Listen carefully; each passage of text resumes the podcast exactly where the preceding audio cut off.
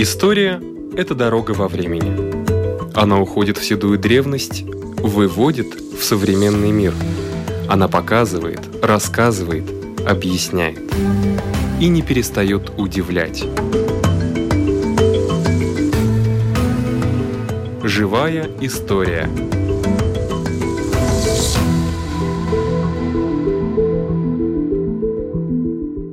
У микрофона Лидия Чера музей Рижского гетто. По-моему, новый выставочный зал. Во всяком случае, здесь я еще не была. И новая выставка из праха и пепла. Организатор выставки Юлия Терещенко.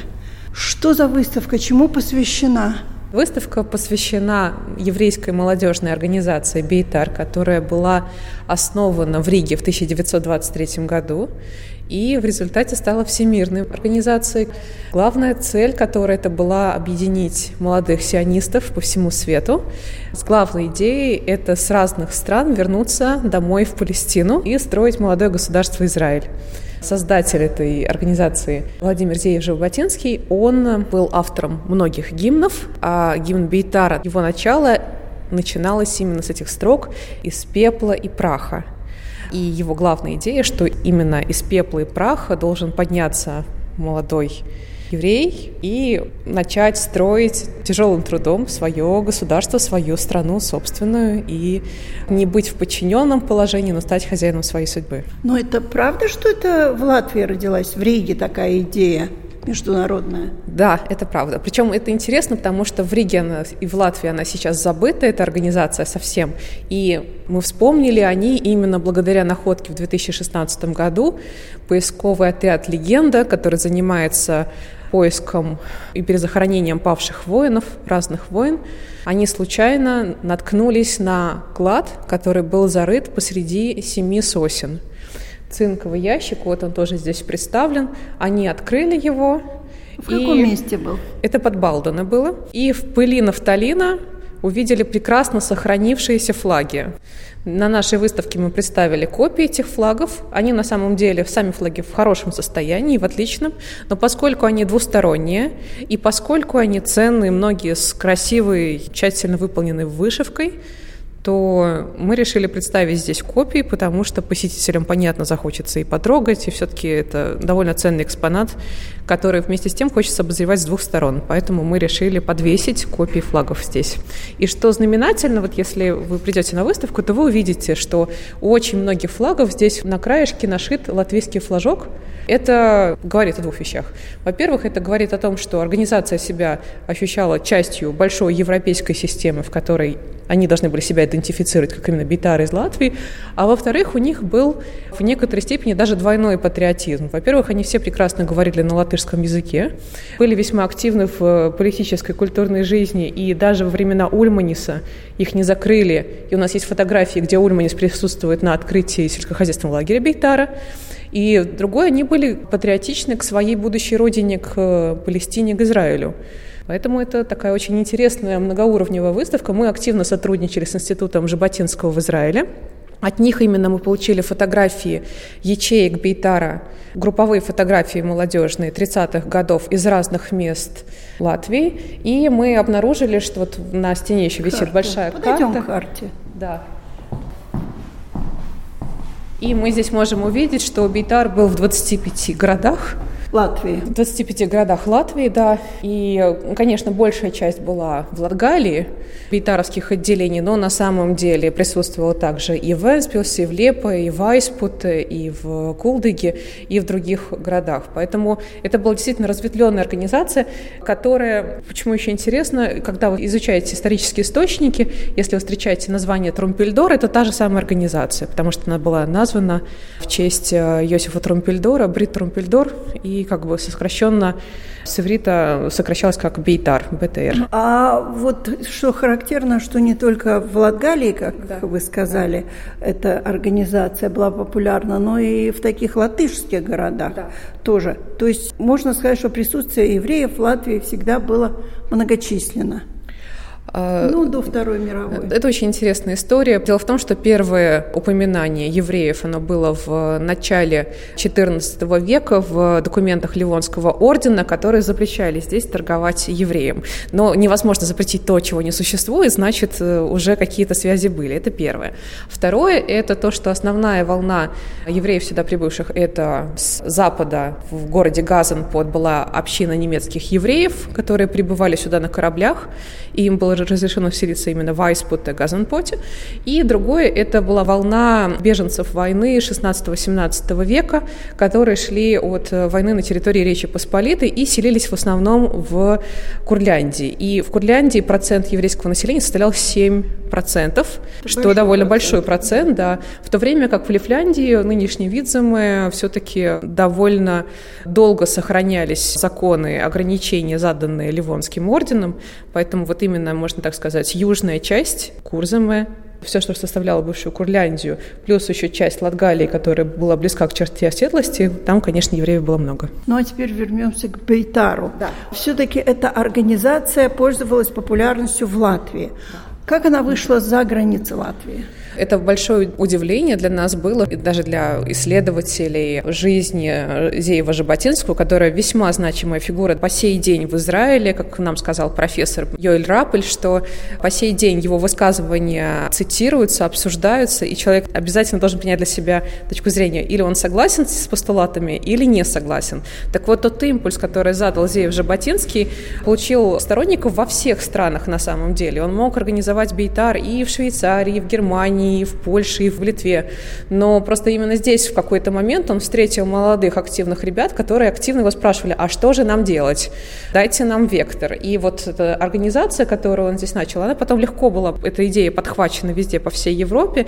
И, в принципе, до сих пор Бейтар существует, но в основном в тех регионах, откуда еврейской молодежи не так легко добраться до Израиля. То есть это, например, Южная Америка, Азия и Африка. То есть там все равно есть еврейская диаспора, которая да. мечтает вернуться в Палестину, изыскивает средства и возможности, но вот Бейтар там активен. А вот чем конкретно занимались бейтаровцы? Ну, Кроме того, что, наверное, учили язык. Во-первых, они себя ковали, то есть они занимались спортом, А-а-а. они занимались борьбой, они учились стрелять, они занимались сельским хозяйством, они себе ставили цель, что они должны приехать, и они должны быть достаточно сильными для того, чтобы противостоять всем возможным жизненным трудностям. По уровню подготовки они очень напоминают скаутов и пионеров, например. То есть это абсолютно в духе времени, молодежная организация, заточенная на подготовку к будущей взрослой жизни, просто конкретно в данном аспекте она включала в себя именно возврат в Палестину. Ну, я тут смотрю и велосипеды, и там, и яхты, там да, есть, и да. яхты, и мотоциклы. Это потрясающая история, которая была mm-hmm. найдена создателем выставки Виты Шалдовой. Значит, она нашла факт, что в 1929 году три члена Бейтара из Риги уехали в Палестину на мотоцикле. Но они, поскольку еще хотели не просто доехать до Палестины, они хотели еще поучаствовать в еврейском конгрессе, который ежегодный был в то время. Они доехали из Латвии до Германии и Швейцарии на мотоцикле, а потом уже из Германии и Швейцарии до Палестины, что характерно, доехали. А спустя некоторое время к ним присоединилось еще их семь товарищей, которые поехали их же маршрутом. Так что это были весьма рисковые авантюрные ребята. И всего через Бейтар прошло около тысячи человек. И в целом, ну, как бы это был все-таки импульс, который не только Бейта разделял, еще другие организации этим занимались тоже. Около пяти тысяч человек в 30-е годы переехало из Латвии в Израиль. И э, благодаря этому спаслись от Холокоста. Это факт. Вот я тут смотрю по фотографиям, Конечно, вот еврейские ребята, как и все в свое время, пытаются попасть на родину. Да. Сейчас, может быть, это даже не так развито, как в то время. Да. Почему так, как думаете? Можно сказать, что конец 19 и начало 20 века для многих народов стало периодом самоопределения когда они искали себя, да, должны были найти свою идентичность. Это касалось и в России, например, началось раньше, в Германии еще более раньше.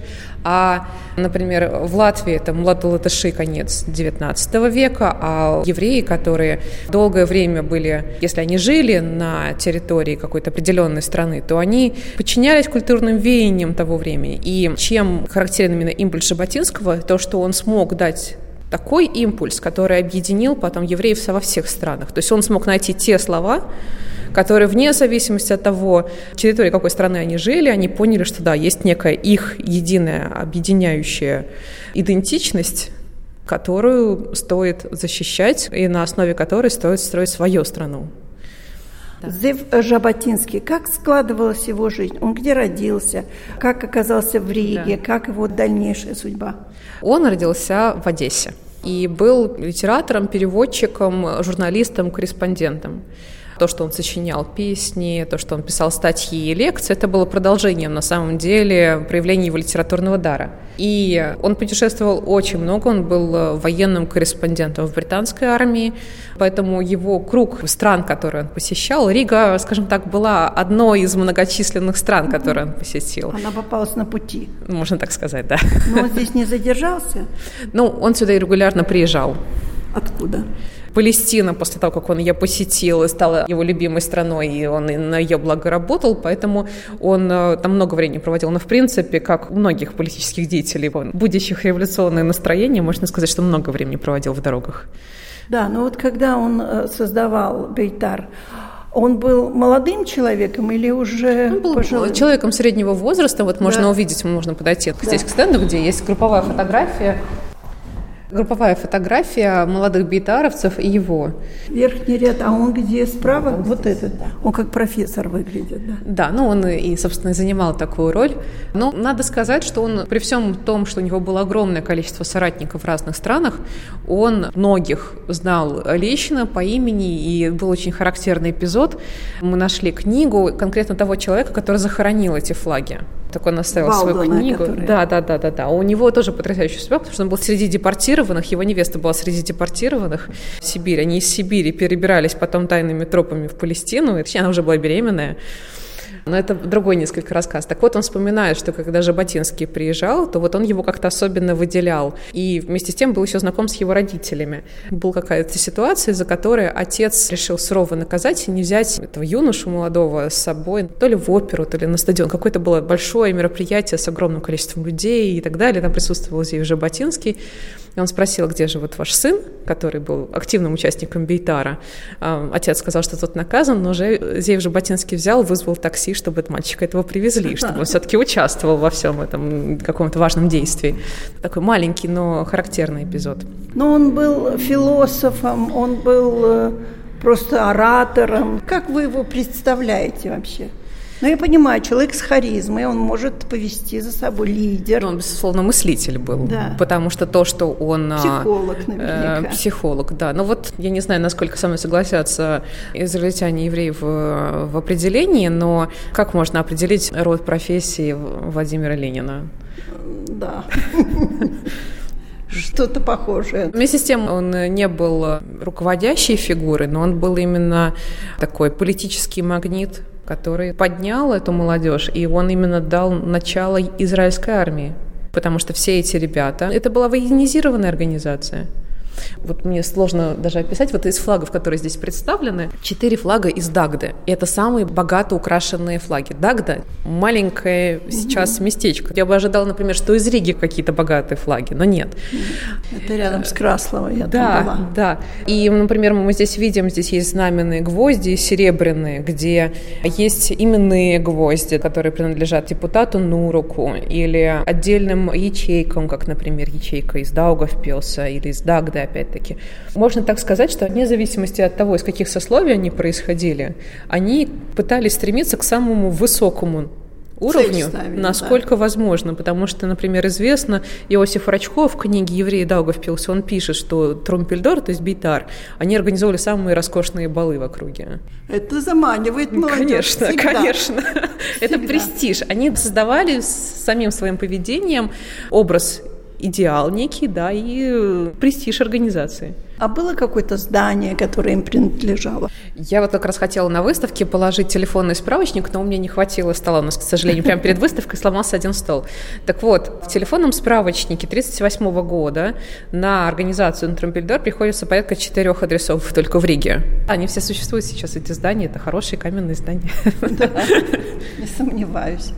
Да, интересная организация. И в каком году, вы сказали, она создалась? В 1923 году. И просуществовала? Она существует до сих пор. Ну да. Она фактически... Не так активно. Ну, не так активно, но можно сказать, что именно из э, организации Битар выросла нынешняя руководящая партия Израиля.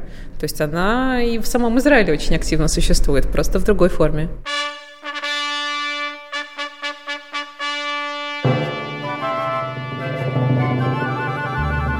А вот так звучит гимн Бейтана.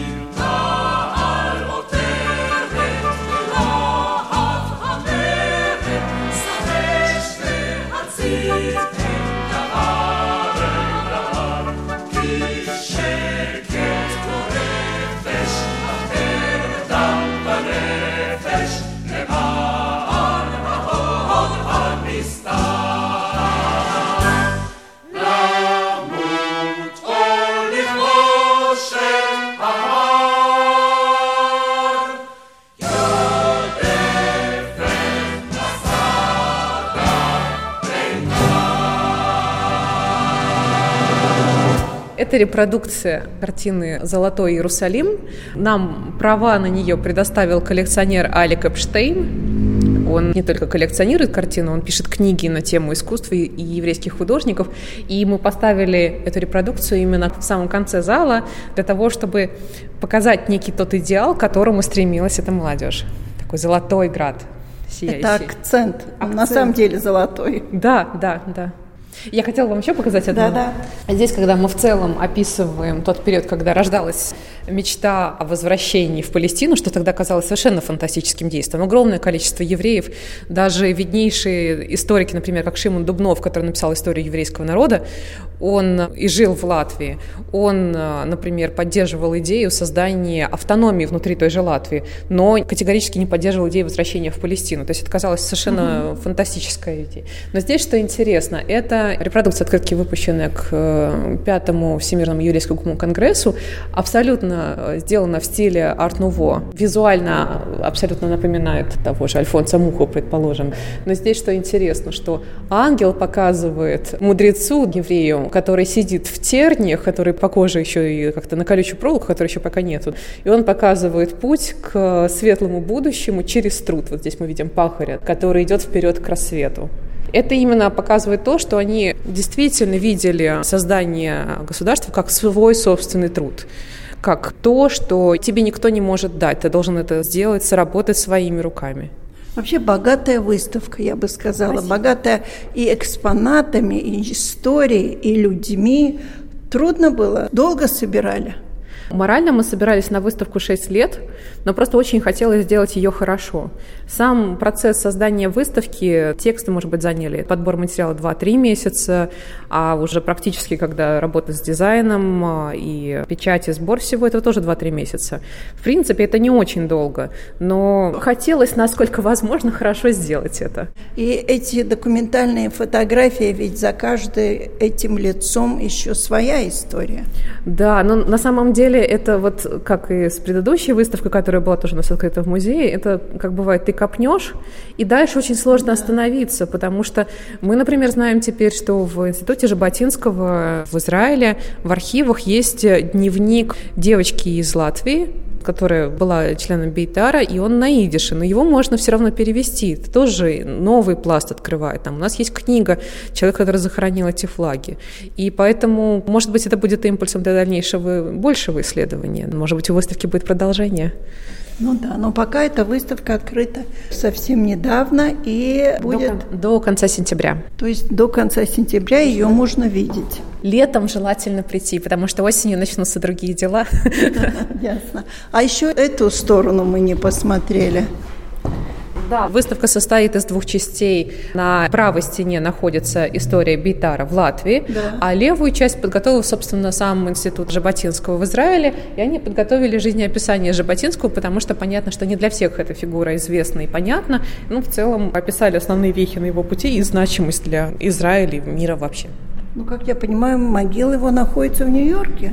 Ну, могила находится в Нью-Йорке, да, потому что в начале Второй мировой войны он отправился в США для того, чтобы там создавать э, еврейский легион. И, соответственно, он себя просто почувствовал плохо, у него был сердечный приступ, и он умер рядом с летним лагерем Бейтара. Долго прожил вообще? Нет, не очень. Ну, как все в то время, да, но, честно говоря. Вот, кстати, поскольку я начала уже тему о том, как много материалов мы еще находим. Вот у нас есть флаги, мы их выставили. Понятно, что это далеко не все флаги, которые принадлежали бейтаровцам. Это были конкретно те флаги, которые были у летнего лагеря под Балдоне. Дело в том, что к ним в 1940 году пришла представители новой советской власти и потребовали у них сдать флаги. Поскольку все организации политические были упразднены, то им нужно было повиноваться. Они не хотели сдавать флаги, поэтому они их захоронили. Но флагов было больше. И насколько это вообще общее типичное явление, было для меня потрясающе увидеть воочию, когда я видела фотографии вот с такими же ровно флагами из Кейптауна, из Нью-Йорка, из Берлина. И тоже вот молодежь 30-х годов вот также ходила с этими флагами. Но у них никто не забирал их. Да, там не забирали. Да. Ну, еще что интересное на этой стенке, на ваш взгляд? Я просто скорее флаги прокомментирую. В целом я могу сказать, что техники, в которых выполнены флаги, они самые различные. Некоторые выполнены на шелковом полотне, там, металлическими золотыми нитями или шелковыми нитями. Иногда это объемная вышивка, золотые колосья. Они в оригинале вообще совершенно роскошные. Но интересно, что на флагах, например, не только зачастую не надписи городов, как мы бы ожидали да. видеть, а вот когда начинаешь читать переводы, то это, например, просто название организации, например, но характеристика характерная надпись на одном из флагов – это «От мобилизации нас спасет только смерть». Да, есть разные лозунги.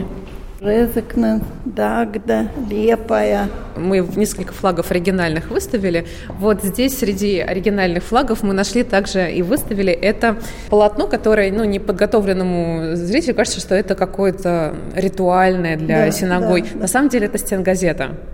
Это вышитая стенгазета со стежками к Хануке. И стежки написаны с ошибкой То есть это на самом деле, ну, как бы какая-то девочка, вот он, их, у нее такое было творчество, она сделала такой стенгазет. Может быть, несколько было. И вот еще у нас на выставке представлено навершие для знамен. И даже вот рядом прям мы поставили фотографию, где видно вот это же навершие на фоне кроны деревьев, можно увидеть, что это вот то самое. Да, удивительно, что еврейские дети занимались сельским трудом. Мне казалось, это совершенно разные интересы. Дело в том, что они очень ясно себе представляли, в какие условия они попадут, что там не будет коммерция, торговля, врачевательство и прочие профессии, которые были вытеснены евреи во многих странах, они совершенно не к месту в пустынной среде. Тебе нужно самому добывать пропитание. А это были смелые ребята, которые были готовы к трудностям, поэтому они думали наперед, как они будут себя кормить. Так что в Латвии около тысячи человек прошли. Да, было около 25 отделений Бейтара, через них прошло тысяча человек. Да, и были подготовлены, и все-таки оказались в Израиле. Многие из них, да? Да, многие из них оказались в Израиле. Многие были депортированы, потому что они все-таки были активно политически до этого. И, к сожалению, те, кто остались, они в основном погибли в Холокосте. Ну, есть отдельные фигуры среди вышедших, которых мы тоже знаем, что вот он был тоже в Бейтаре. По замыслу создателя музея и директора музея Рабминахима Баркана вся выставка про Бейтар посвящена Моше Аронсу. Моше Аронс – это выдающийся израильский деятель. Детство его прошло в Риге. И в 1939 году, накануне войны, он эмигрировал с родителями в США. Что интересно, значит, он в свою юность был как раз активным деятелем Бейтара. Приехав в США, он также оставался активным деятелем Бейтара, но, опять-таки, вот этот внутренний стержень, целеустремленность, требовательность внутренняя к себе, он поступил в Массачусетский технологический институт и занимался самолетостроением. Когда он вернулся в Израиль, то под его руководством создал создавались сложнейшие технологические разработки, и потом он занимал долгое время должность заместителя министра обороны, потом сам стал министром обороны, потом стал и министром иностранных дел. То есть для Израиля это большая сильная фигура, и для нас знаменательно, что он тоже в Латвии прошел через Бейтар. Он жив еще? Нет, он как раз три года назад умер, и, собственно, в память о нем постарались связать эти два события. Эту выставку и вместе с тем немножко напомнить рижанам о том, что вот у нас, можно сказать, соотечественник такой был. А со скольки лет можно было поступить в Бейтар? Был ну, какой-то ценз? У меня нет таких данных. Я могу в среднем просто вот по фотографиям судить, что это где-то с 15-16 лет до 25. Сам же Ботинский был сильно постарше. Просто мне кажется, что основная цель организации это была именно подготовить молодежь для будущей жизни. И понятно, что те, кто становились старше, они потом становились вроде кураторов. Они уже перерастали такого рода мероприятия, как участники. Так обычно происходит естественным путем. В то время не было таких жестких регламентов, как сейчас. Ну, честно говоря, даже немножко жаль, что сейчас нет такой всеобъемлющей организации, которая бы могла чем-то объединить народ. Мне очень понравилось, я в свое время, 1905 или 1907 года, книга на английском языке «Как девушка может помочь своей стране», американское издание для девочек-скаутов. Чем интересно? Тем, что также описывалось, какие разнообразные навыки нужно получить. Там были навыки и в первой помощи, и в яхтенном деле, и как разжигать костер в лесу, и все в таком духе. И там, соответственно, это интересная система, продуманная, и есть некие уровни по каждому навыку. В американской системе позже это выродилось, то есть, что ты за каждый навык получаешь значок, и, соответственно, коллекция значков говорит о том, как много ты умеешь, но для меня было интересно на самом деле, насколько структурирована была подготовка, то есть насколько разносторонним да. и какими навыками должен был обладать человек в подобной организации. Поэтому, мне кажется, оно до сих пор актуально нам. Есть же до сих пор в Латвии скауты и гайды. Мы именовали здесь выставку одну, я хотела пару слов сказать. Эта выставка называется «3000 судеб». Она давно стоит в музее, уже около пяти лет. Одна из самых популярных выставок. И, насколько мы можем судить по фотографиям туристов, которые оставляют хорошие отзывы, это одна из э, наиболее впечатляющих. Она посвящена евреям, которых привезли из концентрационного лагеря Терезин в 1941-1942 годах. И для многих из тех, кого привезли, это и стали последние годы жизни. Их привезли в Рижское гетто, но часто распределяли в другие, находящиеся рядом с Ригой. Юнгернхоф, Юмправмыжа — это нынешний Кингаракс, как раз рядом с променадом, а, вот это место поместья. Или же Кайзервальд между Межапарком и Красной Двиной. Там тоже был большой концентрационный лагерь. И в них Люди часто умирали от холода, голода и болезней, которые распространялись в этих условиях. По замыслу создателей каждая лампа напоминает нам об одном человеке. У каждой лампы есть номер, вы можете потом в папках рядом с выходом на трех языках почитать описание жизни, узнать больше об этом человеке. Но здесь использованы как фотографии, так и документы, письма по каждому из этих людей. А кто собирал эти все данные? Это труд Елены Макаровой и Сергея Макарова. Они написали книгу «3000 судеб». Она у нас сейчас доступна на всех четырех языках – русском, латышском, английском, немецком. Mm-hmm. И э, да, это большой труд в архивах. Многие из частных архивов собраны. Даже немножко страшновато. Все они на меня смотрят И все такие, в общем-то, современные лица. Ну, есть, конечно, которые понятно, что исторические, а есть вот юноша, например, смотрит, ну, как наш абитуриент. Еще у нас есть стена с именами погибших, и мы недавно запустили проект «Эти лица мы никогда не забудем». Мы напротив имен ставим фотографии, которые нам присылают родственники. И это производит очень сильное впечатление, потому что видно действительно, что лица абсолютно современные, люди разных возрастов, поколений, родов занятий.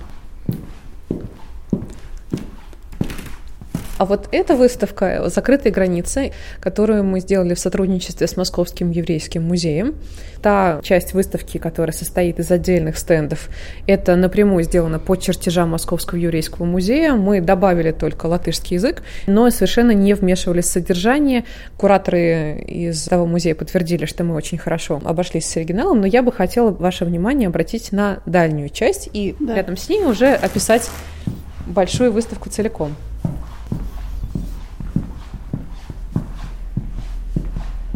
Пять лет назад, когда я только начала работать в музее, одно из моих первых заданий, не связанных напрямую с работой гида, это была обработка данных из миграционных журналов Министерства внутренних дел Латвийской Республики с 1934 года по 1939 год.